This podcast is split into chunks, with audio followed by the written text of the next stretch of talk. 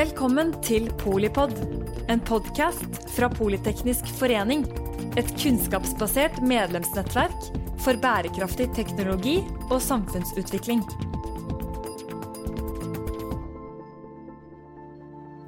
Hjertelig velkomne til denne praten om samarbeid mellom oppstartsbedrifter og store norske og internasjonale selskaper i et prosjekt som skal bidra til å rense og fjerne klimagasser. Vi har Vi drar på skattejakt i dag. Vi jakter etter den forsvunne CO2. Og du får være med i, i skattejakten og, og, kan bare glede deg til, til de, disse karbonkara som er her i studio, helt sikkert finner skatten og deler den med, med oss. Vi har med oss Valentin van fra Endrava. Han er medgründer. Vi har med oss Emil Yde Aasen, som er forretningsutvikler i Shell. Og vi har Per Sandberg, som også er forretningsutvikler, men i Equinor. Og vi har med oss Jon Kristoffer Knutsen, som er kommersiell direktør i det nye selskapet Aker Carbon Capture. Rett på sak. Valentin, du, hvorfor trenger vi et kart for å finne CO2? Godt spørsmål. Um, CO2 er overalt, og det er klima er et tema som er veldig aktuelt for tiden. Og um, karbonfangst og -lagring, det å fange CO2 og, og lagre det um, for lenge tid, er også et veldig viktig tema. Det er mange som er interessert i karbonfangst og -lagring, og man kan gjerne nevne noen få selskaper som jobber aktivt på temaet uh, for nå, og som ser på muligheter for å fange sitt CO2, f.eks. her i Norge. Samtidig, så på europeisk eller nasjonalt nivå, så man snakker om det større bildet med mange store mengder CO2. Og da spørsmålet er hvordan kan vi koble det, det vi trenger på europeisk og nasjonalt nivå for å kutte CO2-utslipp, med det som skjer på et lokalnivå for hvert enkelt selskap. Og den oversikt er ikke lett å få, eller var ikke lett frem til nå. Så det vi har laget, er et kart som vi ser omtrent 2000 store industri- og kraftvarmeanlegg i Europa som slipper ut mye CO2.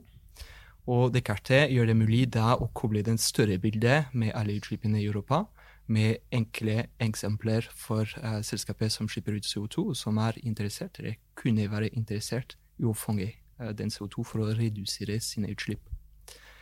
Det er kommersielt interessant for de som prøver å få en verdikjede på plass, fordi da kartet kan hjelpe dem med å finne mulige um, kunder, på en måte, eller mulige samarbeidspartner, som kunne da fange den CO2 og frakte den f.eks. til Norge for lagring. Ja, og det er jo nettopp det du sier med verdikjeden, Valentin, som gjør at det her er også interessant for, for Langskip og for Northern Lights. Nettopp fordi at Langskip og Northern Lights, i den form av at Northern Lights er transport og lagring av CO2, bryter opp den tradisjonelle verdikjeden i CCS. Så CCS, sånn som man kjenner det historisk sett fra andre prosjekter, CCS 1.0 om du vil, har jo vært et stort utslippspunkt, en rørledning og et lager da i nærhet av det. Mens Northern Lights bryter den kjeden og muliggjør fangst og transport og lagring fra en rekke kilder rundt omkring i nå hele Europa, så lenge de har mulighet til å laste sin CO2 over på et skip. Og Da er det nettopp da så viktig å få oversikt over alle disse kildene, og hvem som kan være aktuelle, hvor de såkalt lavthengende fruktene er, hvem som vil være først ute, og hvem som vil starte med å ta de første skrittene i nettopp det å fange sin CO2, slik at det kan sendes til Norge for lagring. Er det egentlig begynnelse på en type åpen marked for CO2? Ja, et, eh, en begynnelse vil jeg vel kanskje si. Kanskje mm. noen tanker om det, Per?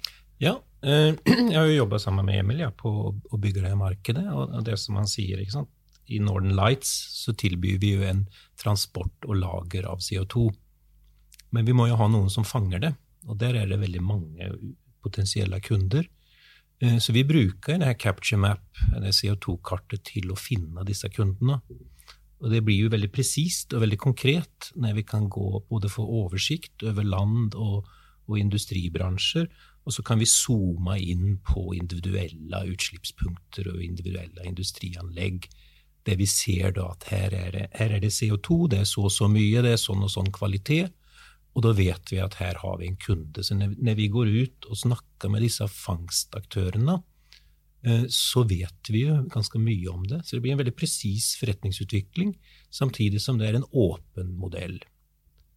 Og jeg kjenner meg veldig igjen i Pers beskrivelse dette med, med, forretningsutvikling. Men jeg pleier å si at alle våre kunder er på mange måter på en reise. De har prøvd gjerne enøk, de har prøvd eh, fornybar kraft, og så har de kommet til denne konklusjonen at eh, rensing og fjerning av eh, CO2 er det som kanskje er det som skal til for å gjøre den bærekraft.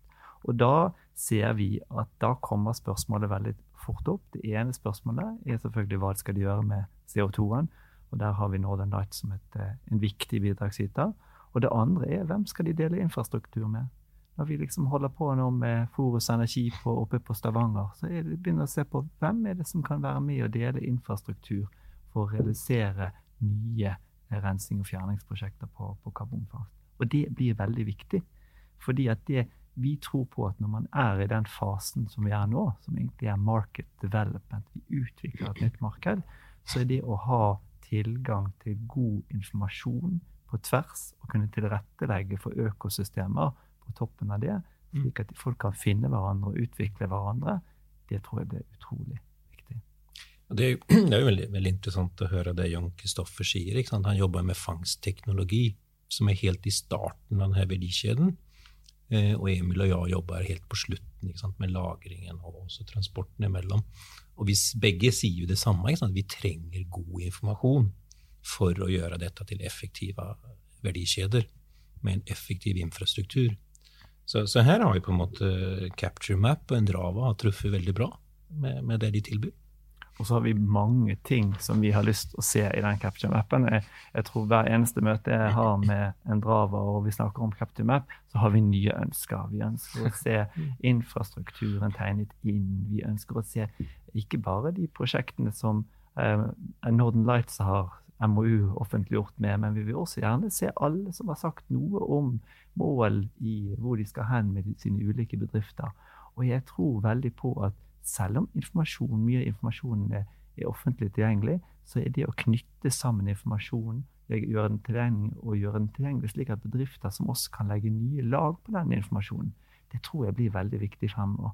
For at the end of the day så ønsker vi alle sammen det samme, nemlig å finne løsninger på den klimautfordringen. Og én del av løsningen er karbonfangst og rensing av det. Hvordan eh, gjorde dere det? Altså, det jo, uh, dette høres jo helt riktig ut, men hvordan gjorde dere det for å få til at små, store, nye og gamle faktisk uh, lykkes? Um, I praksis så ble vi i kontakt med um, Equinor og Nanalights-prosjektet via Norsk olje og gass, uh, som kobla oss sammen. Og vi, var på den tida, um, vi jobba på den tida på et prosjekt for å kartlegge klimagassutslippene fra industri og kraft og varme i Europa. Og så at vi hadde tilgang til en uh, ganske stor uh, mengde data, og at vi kunne vise det på en kart på uh, Moroskil.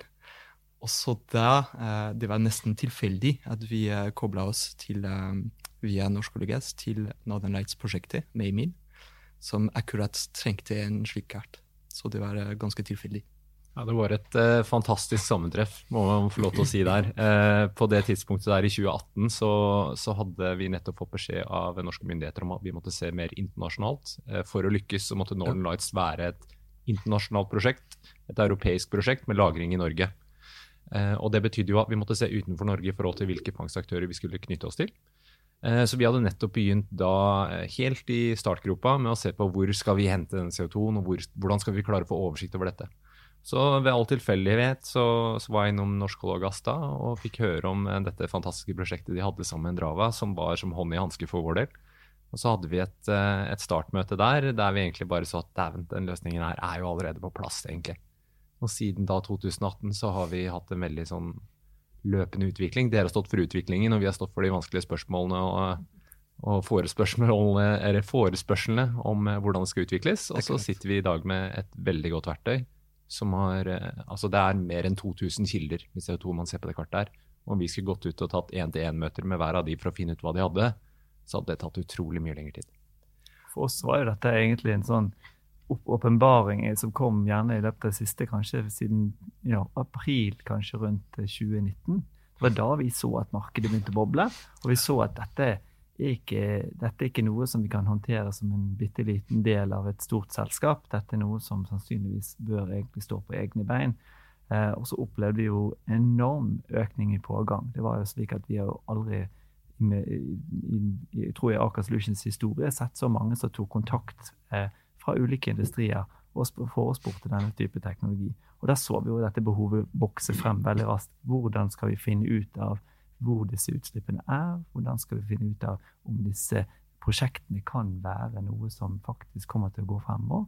Det ble, ble, en ganske stor utfordring for oss. Og da så vi jo, når vi da så Endrava eh, både gjennom Northern Lights og gjennom vår tilknytning til DNVGL, så så vi at det var en løsning som eh, passet for oss.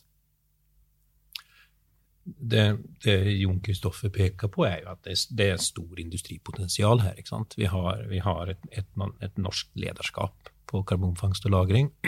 Aker tilbyr en fangstteknologi vi gjennom Northern Lights, eh, Equinor Shell og Total tilbyr en lagerløsning. Vi har engineeringforetak som tilbyr engineering og, og prosjekt og, og, og, byggingstjenester. og så nå begynner vi å se at det kommer på en måte også små bedrifter, type typ Endrava og Capture Map, som kompletterer at vi får et vi er på vei å få på en måte et sånt helhetlig industrilandskap sånn som vi har på olje og gass fra før, sånn som vi har på, på fornybar, og sånn som, sånn som en, enhver ordentlig industri skal ha for å være på en måte konkurransedyktig. Og så, så, høres det jo litt sånn tilfeldig ut, da, liksom at, at en, en, Drava hadde fått i oppdrag å, å lage en rapport. Eh, og rapporten ble sikkert bra, men, men eh, det var jo software som de lagde for å, for å skrive rapporten, som ble den virkelig store produkten. Og Det høres tilfeldig ut, men det er jo på en måte rett type tilfeldighet. Og jeg har, jeg har, vært innovasjonsdirektør i Equinor før, og så jeg ser jo på det her at det er, denne, denne, innovasjonen tikker egentlig av alle bokser på en liksom, god startup-bedrift. Hvis jeg bare skal bare rase igjennom på en måte, Jeg tror jeg, tror jeg har lagd elleve punkter som de, de, treffer på. Så, så det er litt morsomt, da. ikke sant? Hva, er en god startup? Jo, det er, de, de gründerne har en veldig god faglig bakgrunn, både med utdanning og i ikke sant? Og så gikk de ut og gjorde en startup.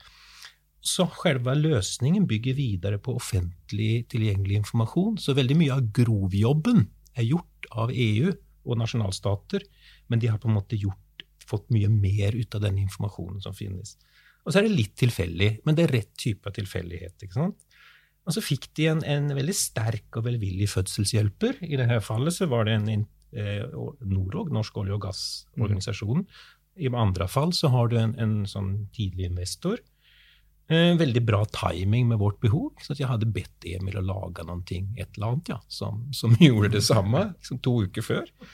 Men, men, det slapp vi. Slapp jeg å gjøre jobben òg, så det var jo helt Det var helt perfekt. Vær så god.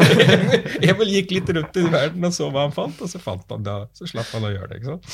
Og så har vi oss som førstebruker, og så hører jeg jo nå ikke sant, Jon Kristoffer er inne, om ikke som førstebruker, men en like entusiastisk andrebruker fra en annen del av verdikjeden. Så da får vi Det blir jo veldig presis produktutvikling. Akkurat. Eh, og så Emil hadde på en måte et sånn personlig nettverk her som var lett å Eh, og så, veldig fint, Norsk olje og gass lot dere gå med, med rettighetene, og liksom de var positive til at ni, at ni spinner ut.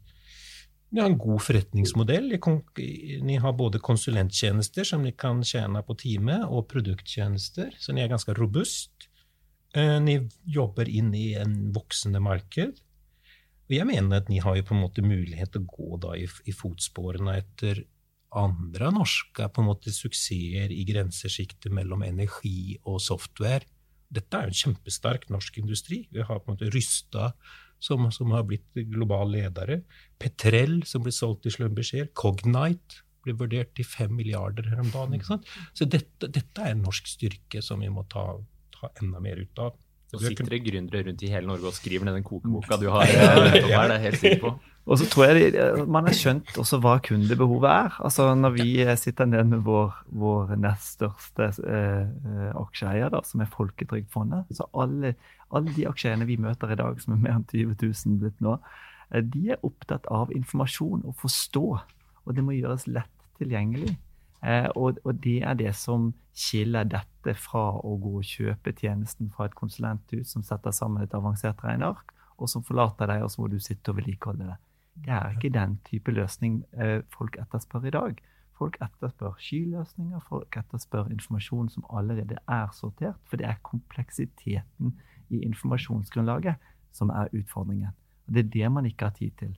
Og Da er man virkelig avhengig av folk som har god kjennskap til dataene, jobbet med det lenge, og satte sammen de riktige bitene for å møte det behovet som kunden faktisk har.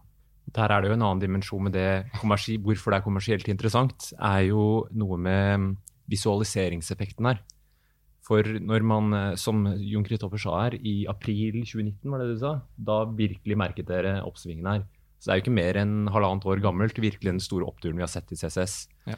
Og dersom vi skal lykkes med de målene vi har satt oss i Paris, som på måte, mange måter er en, en, en, dugnad, så må man forstå størrelsen på problemet. I denne sammenhengen her størrelsen på muligheten for CCS. Og det det kartet dere har utviklet i Capture Map, er jo nettopp en veldig god måte å visualisere hvor stort er det potensialet i Europa, på en veldig enkel måte, veldig visuell måte.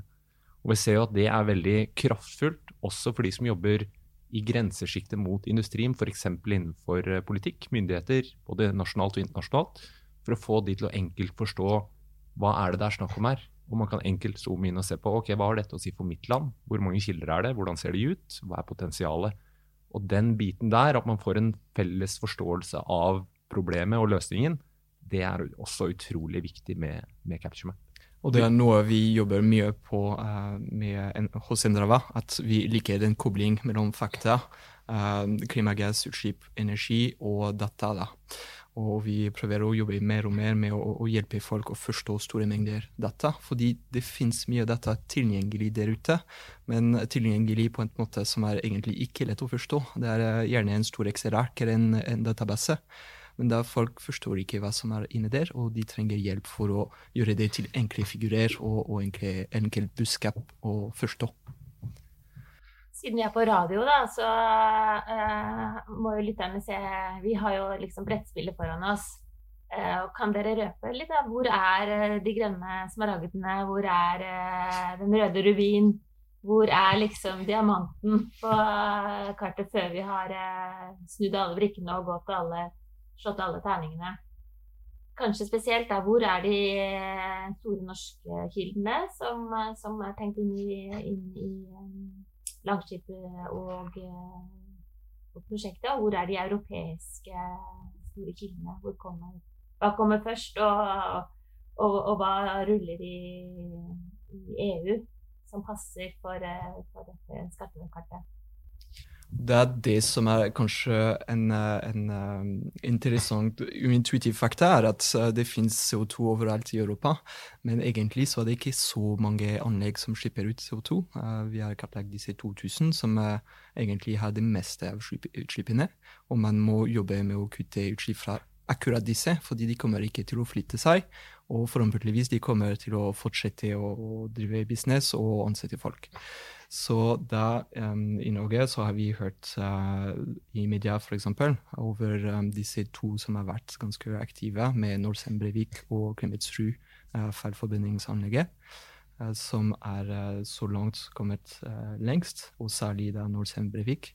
Uh, som mulige anlegg for å komme i gang med karbonfangst i Norge jeg syns det gøyeste å snakke om her er ikke egentlig akkurat de utslippene vi har i dag, men det er de eksemplene hvor vi ser industrien utvikle seg på andre måter.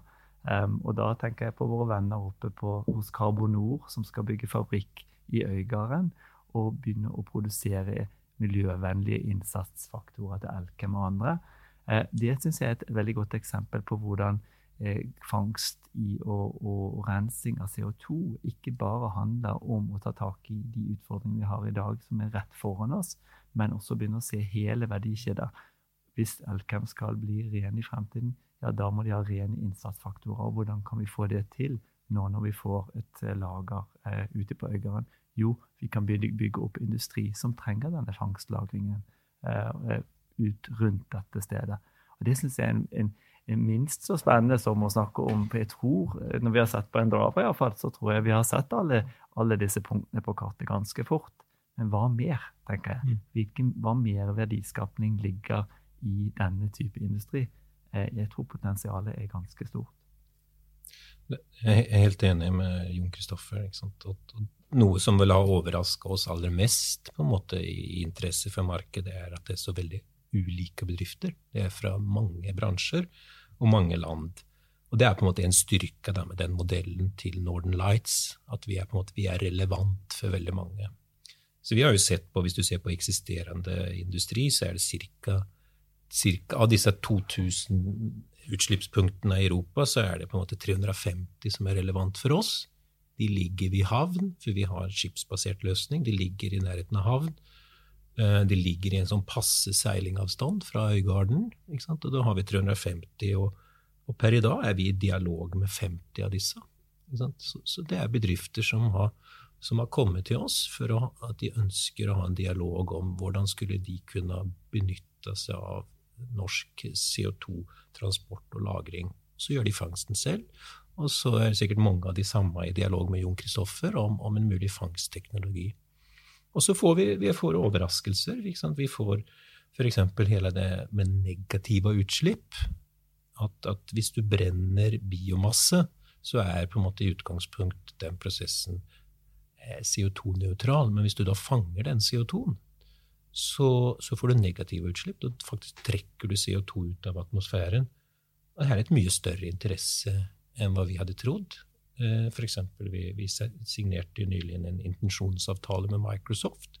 De har et veldig stort og offentlig kjent interesse for den teknologien. Eh, så vi får litt sånn overraskelser. Og så ser vi jo at noen industri Vi tror jo at mange av de første kundene er de som har relativt billig CO2-fangst.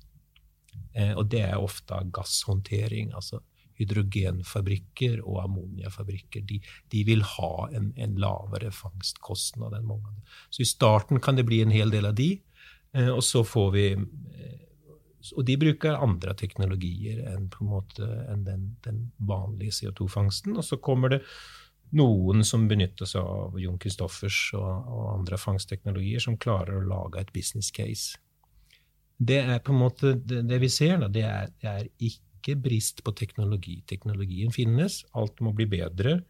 Det er ikke brist på strategisk interesse. Det er masse bedrifter som ønsker dette. Det som, vi, det som er det vanskelige, er å få, få på plass finansieringsmodellen. Da. Det er egentlig innovasjonsmodellen. Så er det kanskje verdt å nevne med de 350 som, som Per nevner der, de utgjør ca. 300 millioner tonn årlig i utslipp. Og det er jo da de 350 kildene som vi har funnet på kartet per i dag. Men så kommer jo alle de der positive overraskelsene som, som Jon Kristoffer og, og, Per snakker om her, som kommer i tillegg. Microsoft f.eks. er jo ikke noe man hadde funnet på kartet i utgangspunktet, men som kommer som et veldig godt og positivt eksempel på hvordan dette, dette økosystemet rundt CCS begynner å vokse, nettopp i det å bygge et nytt marked. Eh, så de 350 stykkene med 300 millioner tonn er på en måte utgangspunktet. Og så kommer alle disse positive tingene på toppen av det. Og det sier jo litt om hvilken skala som trengs her, og hvilket vekstpotensial det er, ikke minst. Nå har vi Northern Light som i første fase er 1,5 million tonn årlig, som skal skaleres til 5 millioner tonn i andre fase. Og så ser vi da utgangspunktet som er 300 millioner tonn årlig med potensial. Det sier litt om eh, vekstmulighetene da, som er innenfor det markedet her. Og altså, anskala egentlig 300, 300, millioner tonn er omtrent seks ganger eh, alle klimagassutslippene fra Norge, så det er stort. Og der, der, ligger et veldig stort ansvar på oss som fangstleverandører å få ned kostnaden. Altså det er noe vi snakker veldig høyt om, fordi at dette er noe som alle som jobber i denne industrien må ha på blokka. Vi sier jo selv at vi må ta på mål av oss å redusere fangstkostnaden med 50% innenfor dette tiåret, og eh, forhåpentligvis allerede innen 2025. Og Det er en ganske ambisiøs plan. Men jeg tenker også at vi har erfaring med at ting har gått fort. Se på sol, se på vind, og se på hva vi har bare fått til siden vi realiserte teknologisenteret Mongstad. 90 eh, lavere kostnad på det vi leverer i dag, enn på Mongstad. Så ting går absolutt fremover. Men, men det er eh, store og ambisiøse mål også som må til her for å få hele verdikjeden linet opp, slik at vi kan levere fangstanlegg som eh, faktisk gir en økonomisk bærekraft også. Og det, det, er jo, det, det, er jo, dette som er så bra med den norske CC, karbonfangst og, og lagring, verdikjeden, og at det regjeringen gjør med Langskip. At man, man etablerer en industriell verdikjede. Du kommer i gang. Du, du, får en tidlig verdikjede som er veldig fleksibel og, og kan utvides. For vi vet, jo, vi vet jo hvordan man får ned kostnader på, på nye teknologier. Er jo, Den oppskriften er kjent. Det er to ting. Du må, du, må, ha industrielle prosjekt som du kontinuerlig bygger videre på, og så må du i parallell ha forskning. Du kan ikke bare ha det ene eller det andre, du må ha begge to. Du må ha det vi kaller en sånn læringskurver. Eh, og nå kommer vi i gang med læringskurven. Det er det vesentlige. Jeg tenker at læringskurven er én ting. Og så tror jeg folk undervurderer hvor viktig det er å komme i gang. For eh, man, det er utrolig mange bedrifter vi har vært borti som, som ja, vi er med på det prosjektet og det prosjektet og det prosjektet. Men så sier vi hvor har det tatt dere? Har dere egentlig kommet nærmere det målet dere har satt dere? Nei, vi har egentlig ikke det. Og det som er moro nå, er at når plutselig ikke dette med lagring lenger er noe problem, så åpner det her også at det, det gjør at man ikke kan gjemme seg lenger. Man må faktisk ta tak i dette problemet. Man er en del av problemet må bli en del av løsningen.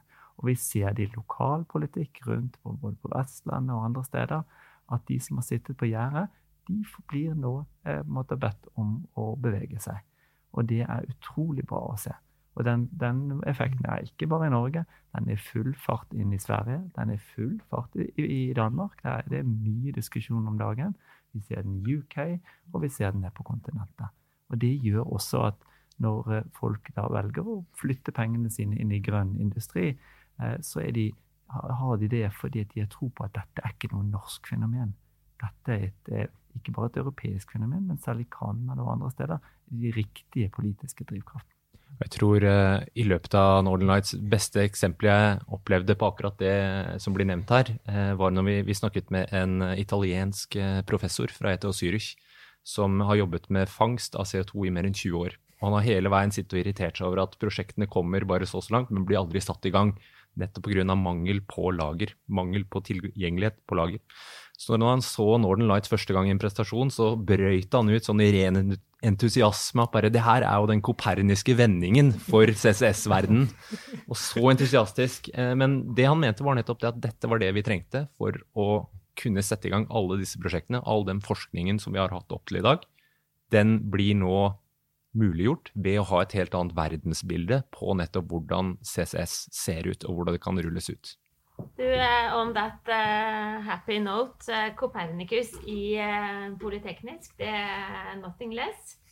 Tusen takk til dere karbonkarer som har snakket og forklart oss hva både CO2 Capture Map, norsk innovasjonsbygging, bygging av en industri som både skal skape nytt norsk næringsliv, men også redde verden.